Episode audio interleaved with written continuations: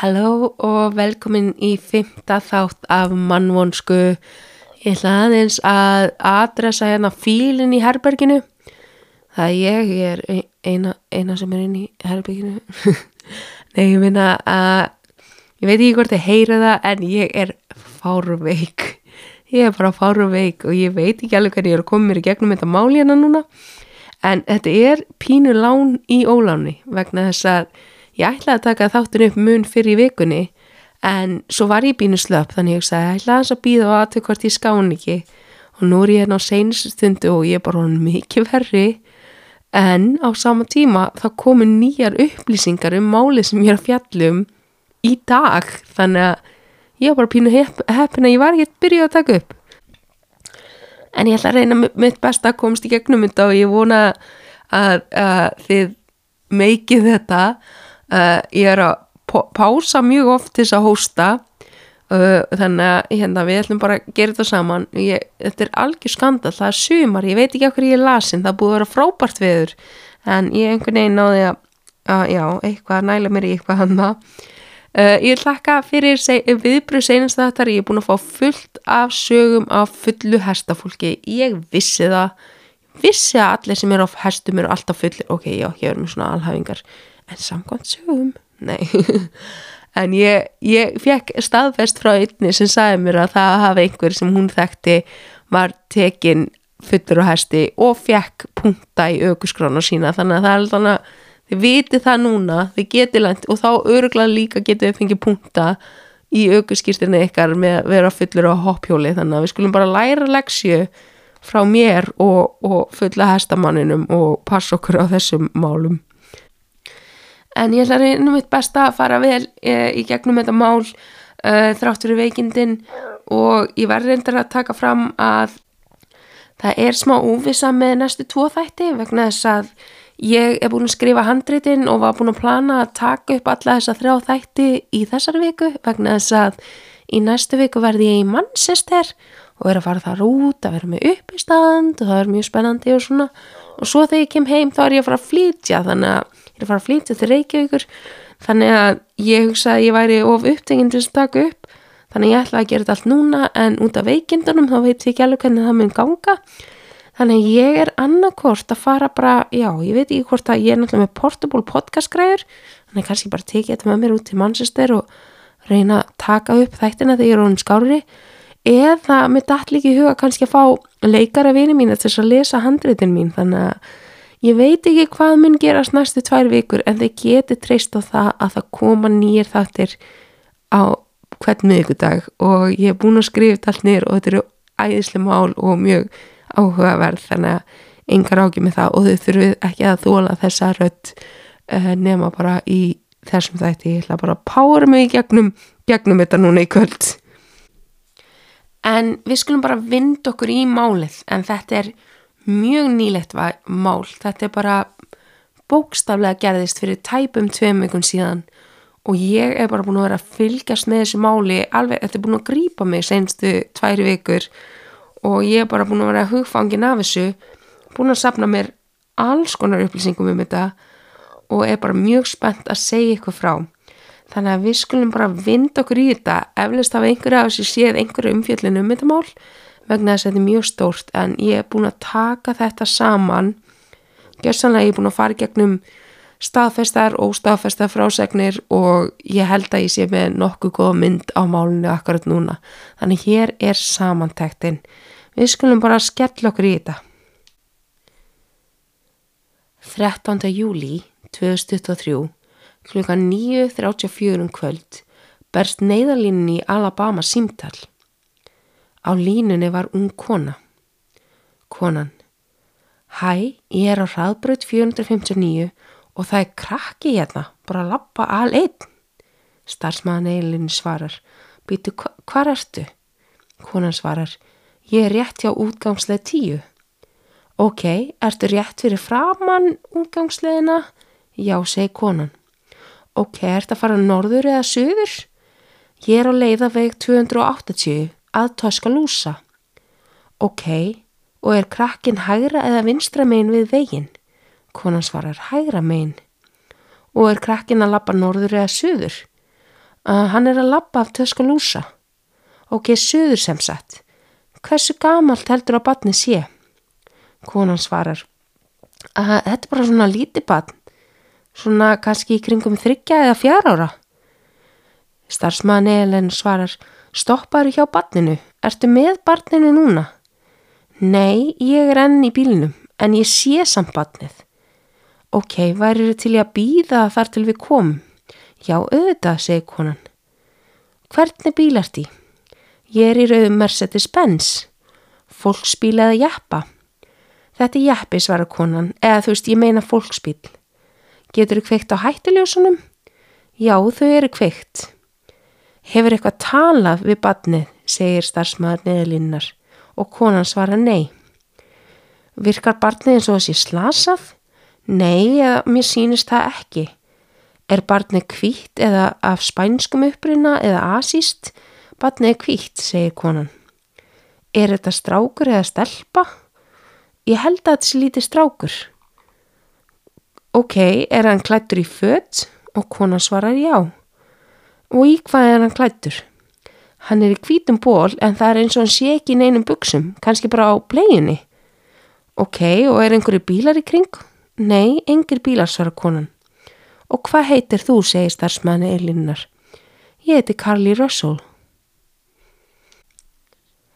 Starfsmaðurinn hjá neðlinni byður Karli að fara ekki úr bílnum og býða með barninu og segir henn að lauruglubíl sé á leiðinni. Þau enda samtalið. Konan, Karli Russell, var 25 ára gömul og var hjúgrannafræði nefndi. Hún hafi stoppað á veitingastaf eftir vinnu og tekið með sér mat og var á leiðinni heim þegar hún kom auga á barnið. Eftir að hún ringd á neðlínuna þá ringir hún í kærasta bróðsins og segir henni frá því það sem var að gerast. Karli segir kæristunni að hún er stoppið í vegakanti og er að fylgjast með ungu barni á meðan hún býður eftir lauruglunni. Kærasta bróður hans finnst þetta einstaklega óhugnalegt og segir Karli að fara ekki út úr bílnum og býða bara eftir lauruglunni eins og starfsmannar leðinlinni saðinni. En Karli átti erfið með að sita þann og aðtuga ekki með barnið. Hún fer út í bílnum en hún er enþa með kæristu bróðis í símanum. Kærastan heyrir Karli segja tvísur eða þrísar Halló, er alltaf lægi? Er alltaf lægi með þig? Hún heyrir ekkert svar frá barninu en skindilega heyrir hún Karli öskra. Svo er eins og skí, símin hafi dotti á jörðina og kærastan heyrir brátt ekkert annað en í umferðin á hraðbröðinni. Kærastan bregst skjótt við. Hún gargar í síman Karli, Karli! Hún grýpur í bróður Karli og gerir honum viðvart og þau ná í mömmunar og pappa. Mamma hennar Karli reynir örfandingu að ringi síma Karli þótt að hún veit að kærasta bróðarnas er með opna línu við Karli og hún er ekkert að fara að svara og hún svarar ekkert. Þau ringja í neðlínuna og muna svo að þau eru með staðsetningarapp í öllum símanu sínum í fjölskyldunni og geta séð staðsetningunni á hverju öðru. Þau staðseta Karli og bruna á stað.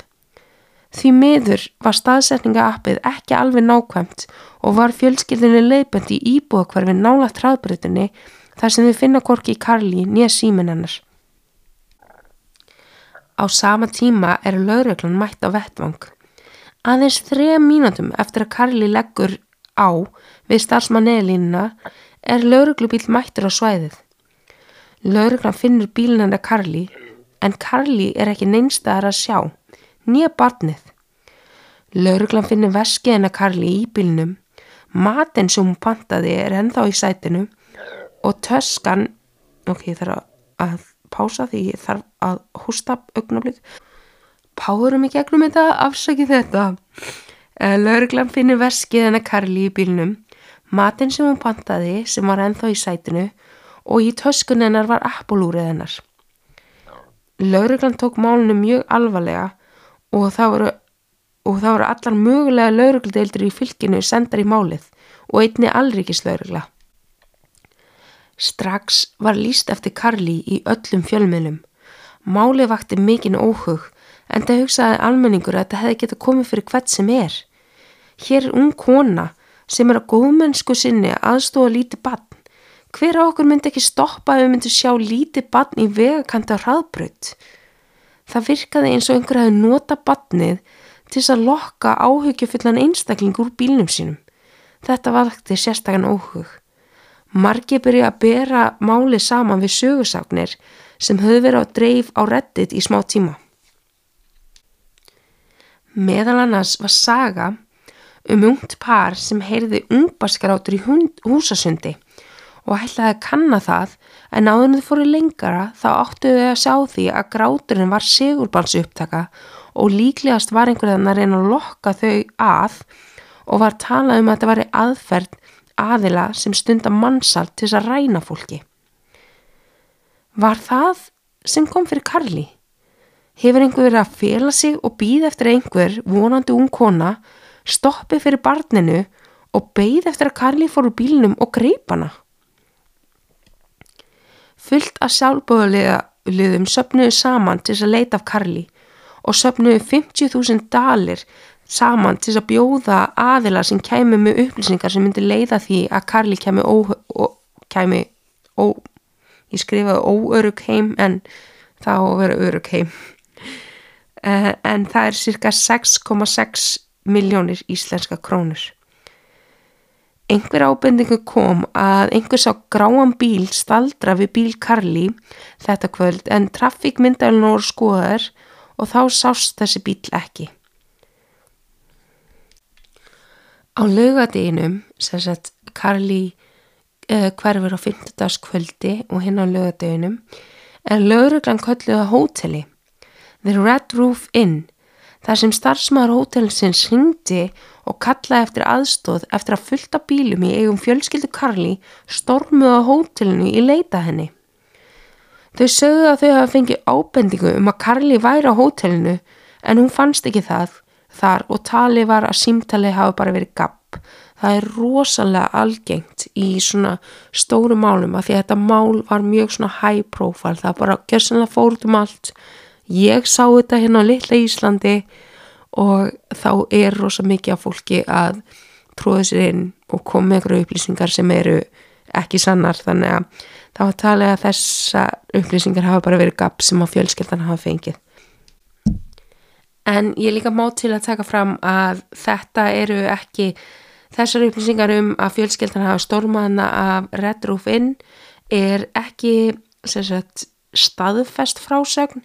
En ég hef séð mikið um þessar heimildir frá áreðalegum innan gæsalappa heimildamönnum, sérst einhvernum úr fjölskyldinu eða fjölskyldinu þeir sem eru nástandir þannig ég ákvaða að taka þetta fram með að ég held þetta sé stór partur af sögunni en lauruglan hefur ekki staðfest þetta atvik en ég hef séð starfsmann Redrúfinn staðfest þetta atvik en á sama tíma þá gæti ég farið á TikTok og sagt bara eitthvað hello My name is Lovisa. I am an employee of the Red Roof Inn and I was in, uh, I, I was working and then uh, Carly was there and she showed up and she punched me in the face and then she was drunk on a horse, og þá, veist, augljóslega þarf ekki annað en að fara á prófælum minn og sjá að ég er bara einhver íslenskur grínisti en rosamargir eru bara að skrolla og sjá einhverju upplýsingar sem koma frá einhverjum vittlýsingum og eru ekkert að questiona þetta þannig að þá fara þau að frétt um þetta og segja bara já, herðu, það var hún var þannig á þessu hóteli og kýldi einhverju og lofið sér í andletið þannig að veist, það er rosalega erfitt að já, ef þetta er ekki staðfestur upplýsingar en mér síndist mikið af þessu var að koma frá fjölskyldu og fjölskyldu vinum þannig að ég ákvaða að hafa þetta inn í. En svona samt hafa smá fyrirvara bara því að já, TikTok er svolítið búin að taka þetta mál yfir og kannski mikið af þessu ekkert endilega satt. En ég reyndi samt að passa mig að taka bara eitthvað sem ég er búin að sjá uh, margar heimildir fyrir.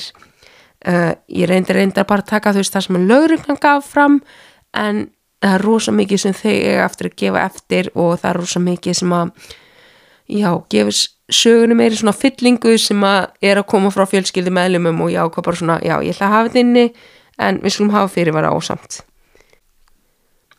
Setna það kvöld þá ringir fjölskylda Karli í laurugluna. Karli hafi komið heimdi sín fótgangandi. Einhverju heimildir segja að sá sem ringdi sagði að Karli var ekki með meðvindun en þegar lauruglu kom á staðinn þá reyndist það ekki satt.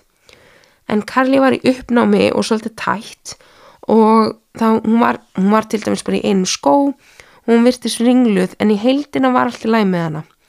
Það voru frábæra fréttir fyrir alla. Hún er komin heim og hún er heil á húfi. Lauruglan ræðir aðeins lítilega við Karli þann dag en það var hún í miklu uppnámi og var ákveðið að tala við hana betur setna þegar hún hefði náðu kvílast og væri búið að skoða hana. En upplýsingarna sem að lauruglan náður Karli væri að hún hefði á 50. kvöldið stoppað út í vegakanti að því hún sá batn. Þegar hún fer úr bílinum að aðtöfu með batnið þá byrtist maður úr einum runanum. Hann grýpur Karli og neyðir hana til að fara með sér yfir girðingu og þaðan inn í bíl. Næsta sem Karli mann var að hún var komin inn í hjólhús með mann, hjólhísi með manninum. En Karli sagði að maðurinn var að vera sköllóttur með appi sinu gullt hár. Hún sagði að þarna hefði líka verið kona og hún heyriði stundum í barni gráta en hún sá ekki barnið. Karli sagði að hún, að hún hefði náðu að sleppa en var gripin aftur og sett inn í bíl. Þaðan var hún kerðað húsi þar sem hún var tekin úr öllum fötunum og það var tekið myndir af henni. Morgunin eftir kom konan til hennar og gaf henni ostakeks og leg við hárið á henni. Á einhverjum tímapunkti ættuðu þau að ferja hana eitthvað annað en þar slapp hún úr bílinum og náði að hlaupa inn í skó og áttaði sig fljótt á því að hún var í nágrenni við heimilisitt og hún lappaði heim. Þegar lauruglega gefur út að Karli var fundin þá fór netið kjörsamlega á hliðina. Ótrúlega margir höfðu nefnilega verið með einhverju skrýtna tilfinningu um þetta allt en höfðu kannski ekki þórað að segja þau upp átt. Sagan en að Karli bara meikaði ekki sens. Netverja skiptist í tvær fylkingar. Rosamargi fóra strax að seg, líka sest Karli við sér í papíni koni sem feikaði mannrán sitt þegar hún var út að skokka árið 2016 en sem kom í ljós og hún var bara eitthvað með gömlum kjærstanum sínum. Á meðan netnjósnarar reyndi að keppast á að netnjósnarar uh, kepptust á við að benda á hólur í sögu Karli það voru þá margir sem kom henni til varnar á benda á því að það var hættulegt að koma svona alhæfingar á netinu þar sem málu var í viðkvæmt. Og þá einmitt hugsaði ég svolítið til máli hennar Denise Huskins sem var kona sem var svond upp í rúmi með kærastana sínum og þau hefur verið nýbúin að lendi í rifrildi þegar það braust maður inn í herbyggjennar með einhver svaka stróbljós sagði þeim að setja á sér sundglerugu sem voru máluð yfir sundglerugu og rændinni og sagði kærastanum hennar alltaf að gefa út fransombref setna náttúrulega kæristan hennar fer til lauruglunar og konan byrtist nokkur um dögum setna og allir heldur að þetta hefði bara verið eitthvað hóks og með þess að gá út í fjölmilum að þetta hafi verið plat. En kom svo í ljóð setna að þetta bara gerðist og þetta kom fyrir hana. Þannig að fólk var svolítið að segja ok, þetta geti verið sér í papíni en þetta geti líka verið Denise Huskins.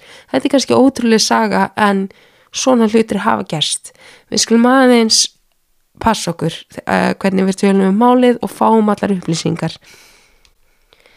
Á meðan leiturinn stóðu Karli var nefnilega myndskeið úr trafík upptökum komið á netið og fannst mörgum eitthvað bóið við það. Í það fyrsta voru margir sem kerðu þennan veg á sama tíma á Karli og engin annar ringdi eitthvað út af einhverju batni. Það var engin annar sem létt vita af þessu batni. Annað sem var skrítið var að Karli kerði hægt með fram veginum mjög langa vegalengt eða um það byrj 6 fótboltavellega lengt. Hún stoppaði öðru kóru og ekki var hún að elda badnið sem var fótgangandi alla þessa vegalengt. Einhverjir, meðlan að ég, hugsuðu þá kannski að hún hefði séð badnið þegar hún var að keira á hraðveginum, séða bara út undan sér og kannski tekið næstu útgangsleið til þess að snúa við og hún væri kannski að leita með fram veginum af hvað hún sá batnið. Þannig ég sagði ok, kannski er það það sem er að gerast, þess að hún er að gera hægt að því að hún er að reyna að finna hvað hún held hún hafi séð þetta batn. Um,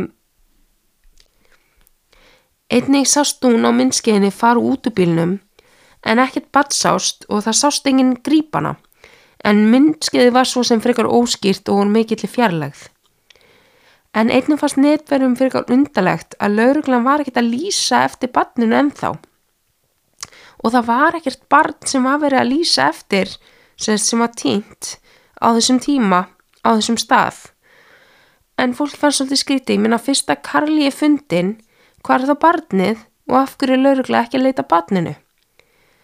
Meðal þeirra sem komu Karli til varnar var kæristi Karli, Latrell, en margir netveru voru einmitt með þá kenningu að Karli hafi feikað þetta til að fá aðtikli frá honum.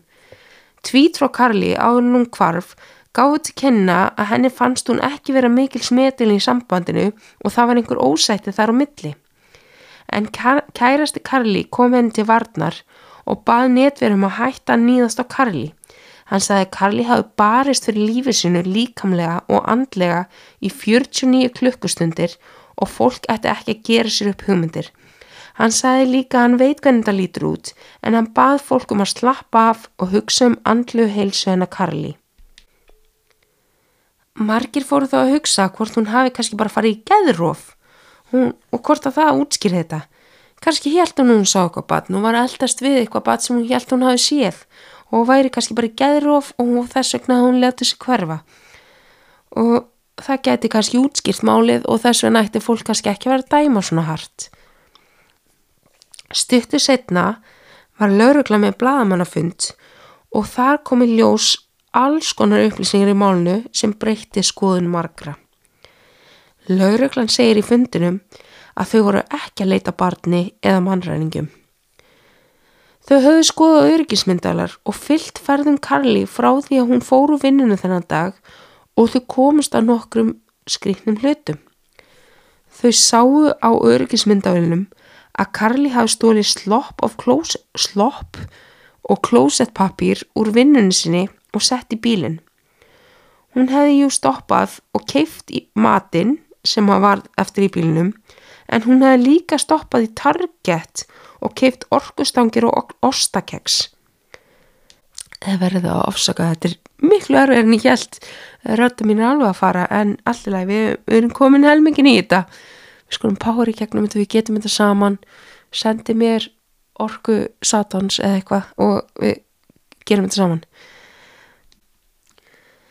En sérsett, já, um, ég dætt aðeins út úr blæðinu mínu, já, sloppurinn, klósettpapirinn, orkustangurinn og ostakeksið fannst ekki í bílinum þannig að það var greinlegt að Karli, eða mannræningin, hafi tekið þessu luti með sér.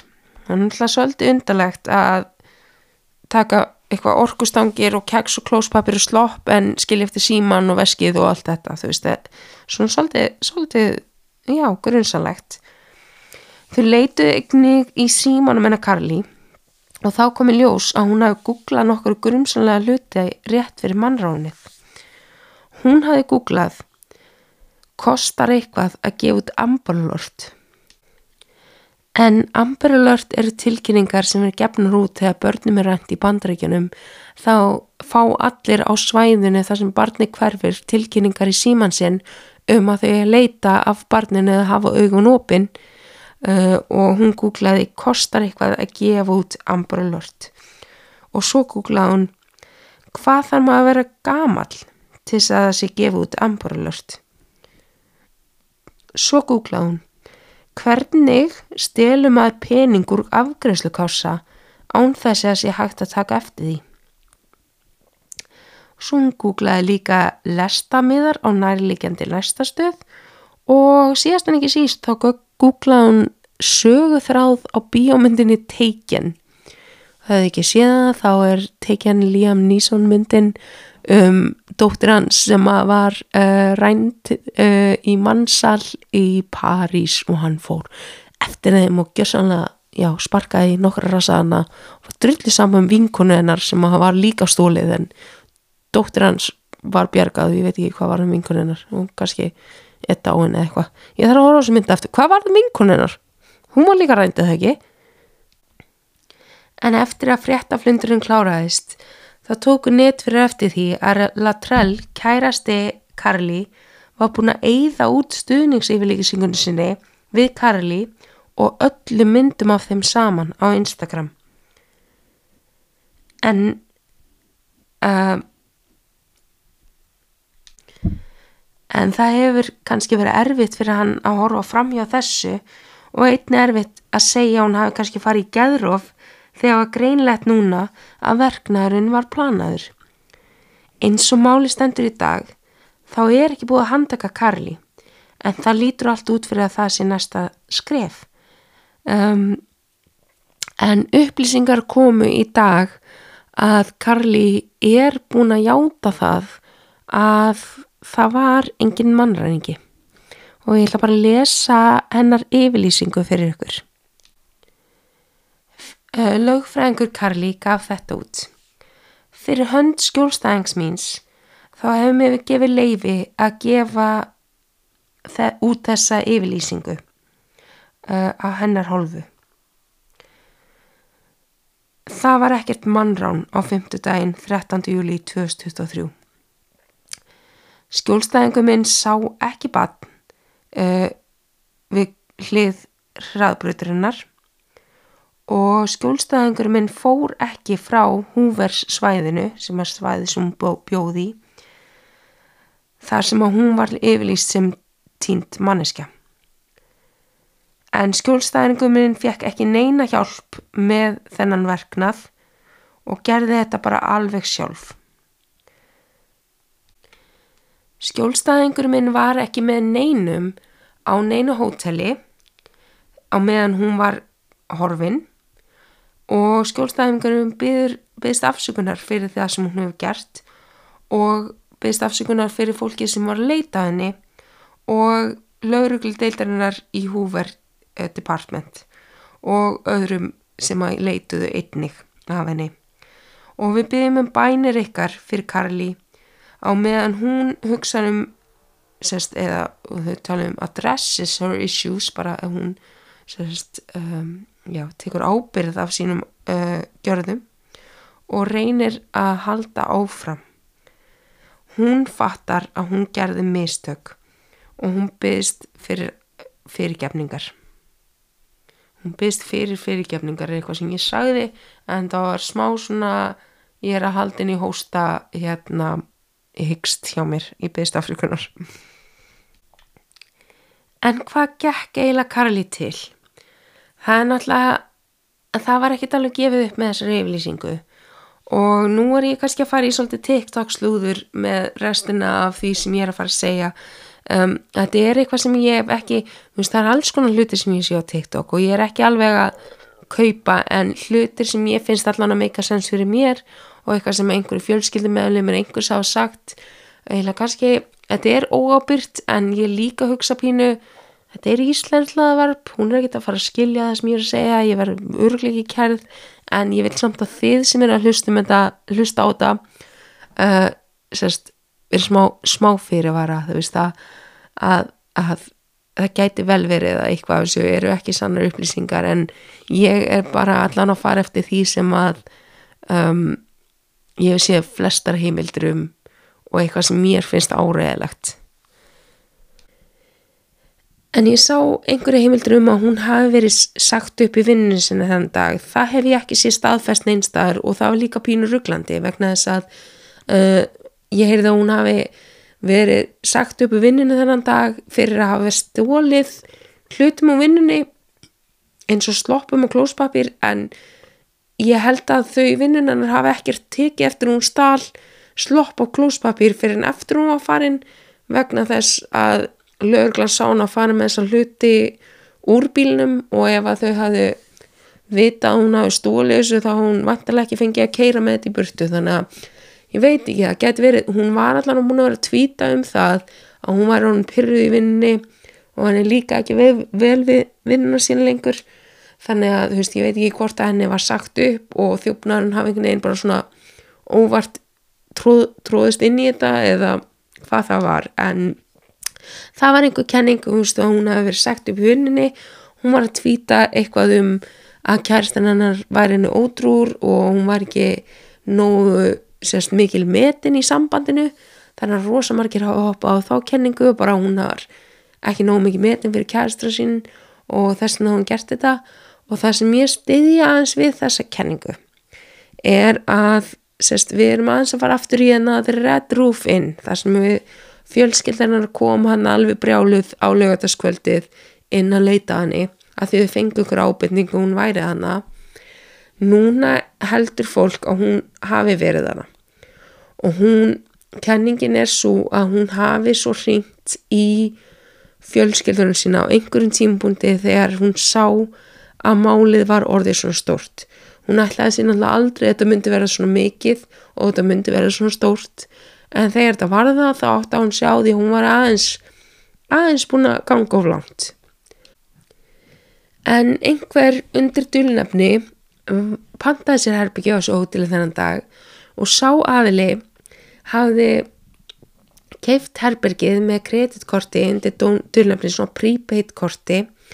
E, sá aðili notaði það kortis að panta mat upp á herbergið e, og sá aðili notaði líka samakortið til þess að kaupa prepaid síma sem var óreikjanlegur en kærasti Karli hafði mitt fengið SMS úr óreikjanlegum síma sem var rakið á nákvæmlega sama kort og var á þessu hóteli að kaupa þennan mat þessi Red Roof Inn uh, en í þeim skilabóðum stóð uh, ég vona þú þér finnst gaman þegar þau er að finna líkamsluta Karli yfir allt á þjóðveinum þannig að hann lítur allt út fyrir það að Karli hafi verið á svo hótelherbyggi hún hafi verið að panta sér mat og hún hafi sendt kærastan sínum þessi skilabóð sem líti pín út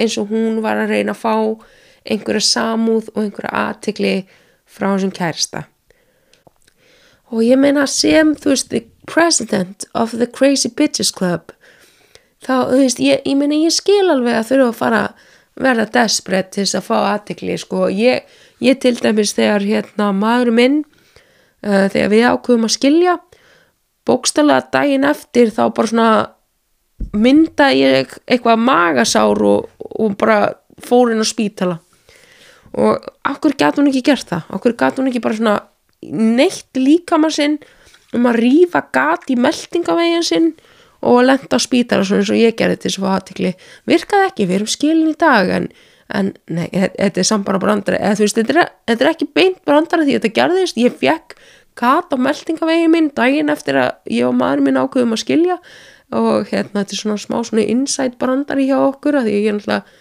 við ákveðum að skilja og svo er ég held ín bara í sjúkrabíl og að fara upp á spítala og hann er eitthvað Jesus Christ. Því hefur þessi dramadrókning alltaf að reyna aðdekla en þú veist, þetta var augljóslega bara eitthvað sem gerist en þetta er svona inside brandari hjá okkur. Þannig ég skil alveg Meina, en gerðu þið bara eins og vennlegt fólk þróaði með þér veikindi og farði upp á nei, ekki vera að draga hérna bara lauruglu aðstóð úr bara fylginniðinu og öllum bæjufélagunum og allreikislauruglun sem gætur að leita af öðru fólki sem þarf að því að halda út af því þið vantar aðtikli það eru fullt af öðrum hlutum sem hún getur gert Karli eins og segi.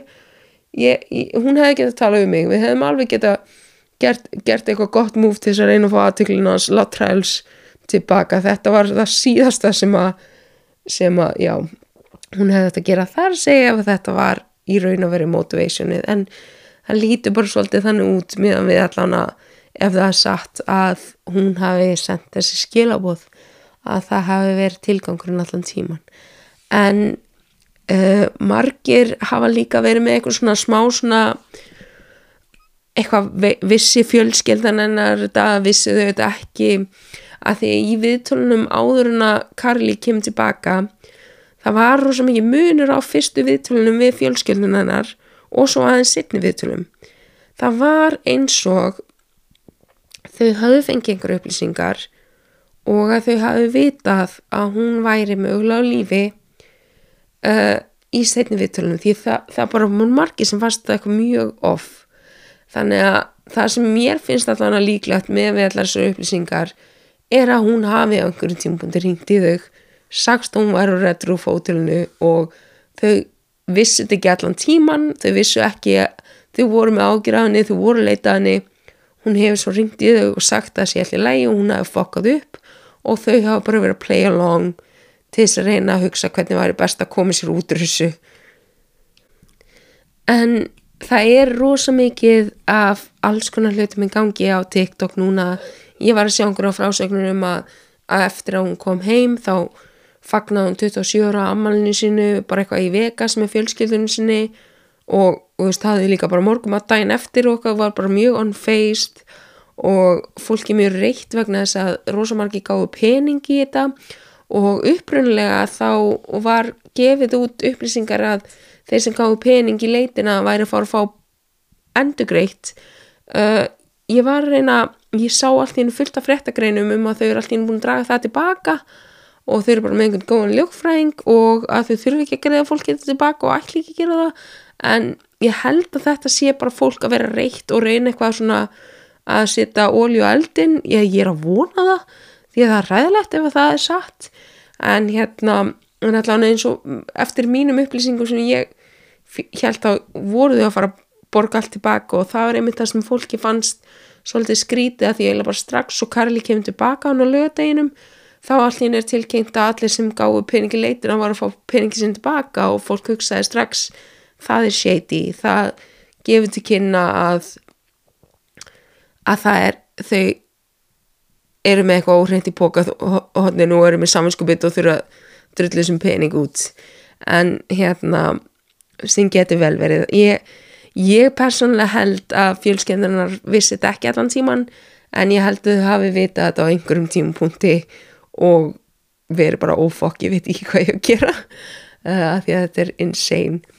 En ég gæti, ég hef alveg meira að segja um þetta mál og ég gæti alveg tala lengur en ég geta samt ekki fysikli því að ég, ég bara kjörsanlega byrst afsökunar að því að þetta mál var eins og þetta er að því að þetta skilir mér aðtikli en bara röttin mín er ekki að höndla þetta ég er kjörsanlega fárveik og búin að því. En ég vil heyra frá ykkur kjörsamlega please segja seg mér hvað er hvað, fyrstulega, hvað finnst ykkur um þetta mál, hvað haldið þið, hvað er ykkur kenningar, það er gaman að heyra það, en svo vil ég líka vita hvað er klikkaðista lutur sem þú hefur gert til þess að halda aðtegli við maka eða einhvern sem þú skotir í. Um, ég náttúrulega sagði ég feikaði magasár en þú veist, ég kerði það ekki, það, það er ekki alveg satt. Ég var að reyna að hugsa eitthvað annað crazy, ég, ég hef verið gert fullt á crazy síti, þar var, var rivið upp, ég, ég ég þurrkit alltaf út bara beint úr minningunum minni þegar ég ger eitthvað svona. En hérna, það væri gaman að heyra að þau eru með ykkur sögur. Ég veit að enginn einhver hefur feikað ykkar einn mannrán og ég ætla að vona það að engum láti sér þetta þegar í hug. Ég verða að viðkjöna þegar þetta mál koma upp og ég var að rannsaka þetta svona mest það var ég eitthvað svona, ef að ég myndi gera þetta hvernig myndi ég gera þetta og hvernig væri það miklu betra en það sem hún gerði?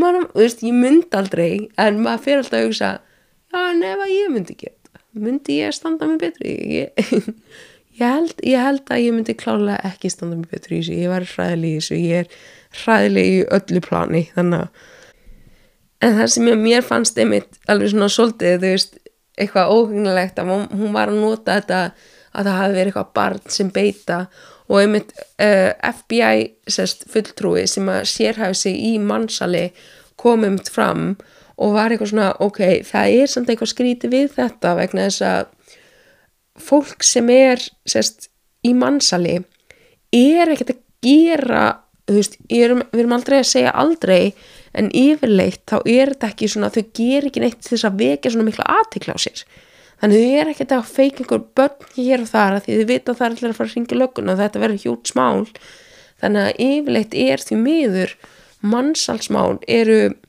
fólk sem er veist, nýr kærasti eða nýr vinur eða einhver sem tristir eða byrjar að trista sem er að lokka út í mannsal þetta er ekki eitthvað fólk að grýpa þig og lokka þig með batni það er allan að það sem að þessi FBI fulltrú var að gefa í skín auðvitað eru einhver dæmi um það en það er bara rosalega sjálfgeft þannig að en þetta var rosa samt svona já, ég held hún hafi ekki átt að sjá því hversu mikla aðtikli þetta mál fekk út af með þessu elementi í málinu. Að hún setti þetta í máli þá náttúrulega voru allir bara guðminn góður, ég, ég myndi líka stoppa fyrir barni, hefði þetta getur verið ég? Þú veist, ég, auðvitað hefði ég líka stoppa þú veist, þannig að, já en eins og ég segi, ég hérna get eiginlega ekki tala meira, ég er gjörsanlega döð í röttinni og ég, ég lof ykkur næstu tveir þættir að vera frábærir hvernig sem ég gera þá, hvort að ég verð orðin betri og nægir að lesa þá eða hvort ég fæ einhvern annan til að lesa þá fyrir mig. En hérna þetta eru geggjuð handrit fyrir næstu tvað þetta allavega. Uh, en ég vonaði að þið hefði haft gaman að þessu og please fylgi mér. Afsaki, ég þarf ástaf fylgi mér á mannvonska á Instagram eða mér sjálfur persónulega Lofi Lára, L-O-F-U-S-O-N-I L-A-R-A tónlistin upp á stefið og lokastegin við eftir að Magnús Jón Aðstensson Magnús Jón á Instagram þannig getur fylgt honum líka eða viljið fylgjast með tónlistin hans. Og ég vil endilega aftur fá að heyra hvað er ykkar mest batshit crazy behavior sem þið hefur gert til að reyna vekja aðtikli eða halda í gaur eða gælu eða, eða hán til þess að fá aðtikli ég væri til ég að vita að það er hérna oh my god, ég, ég ég há ekki að vera takt upp. Jesus Christ, ég bara, ég vildi ekki missa úr þetta ég, ég, er, ég er svo nýpir í þessu og ég bara consistency is key. Þannig ég byrðist afsökunar ég hafi powerað í gegn með alla all, all, þessa förðurrött en við, við gerðum þetta saman. Ég vonaði hætti ekki að hlusta ég mun ekki vera svona uh, þar sem eftir er. En ég oh my god, ég þakka kjallaða fyrir mig og sjáumst í næstu viku og þetta verður betra. It gets better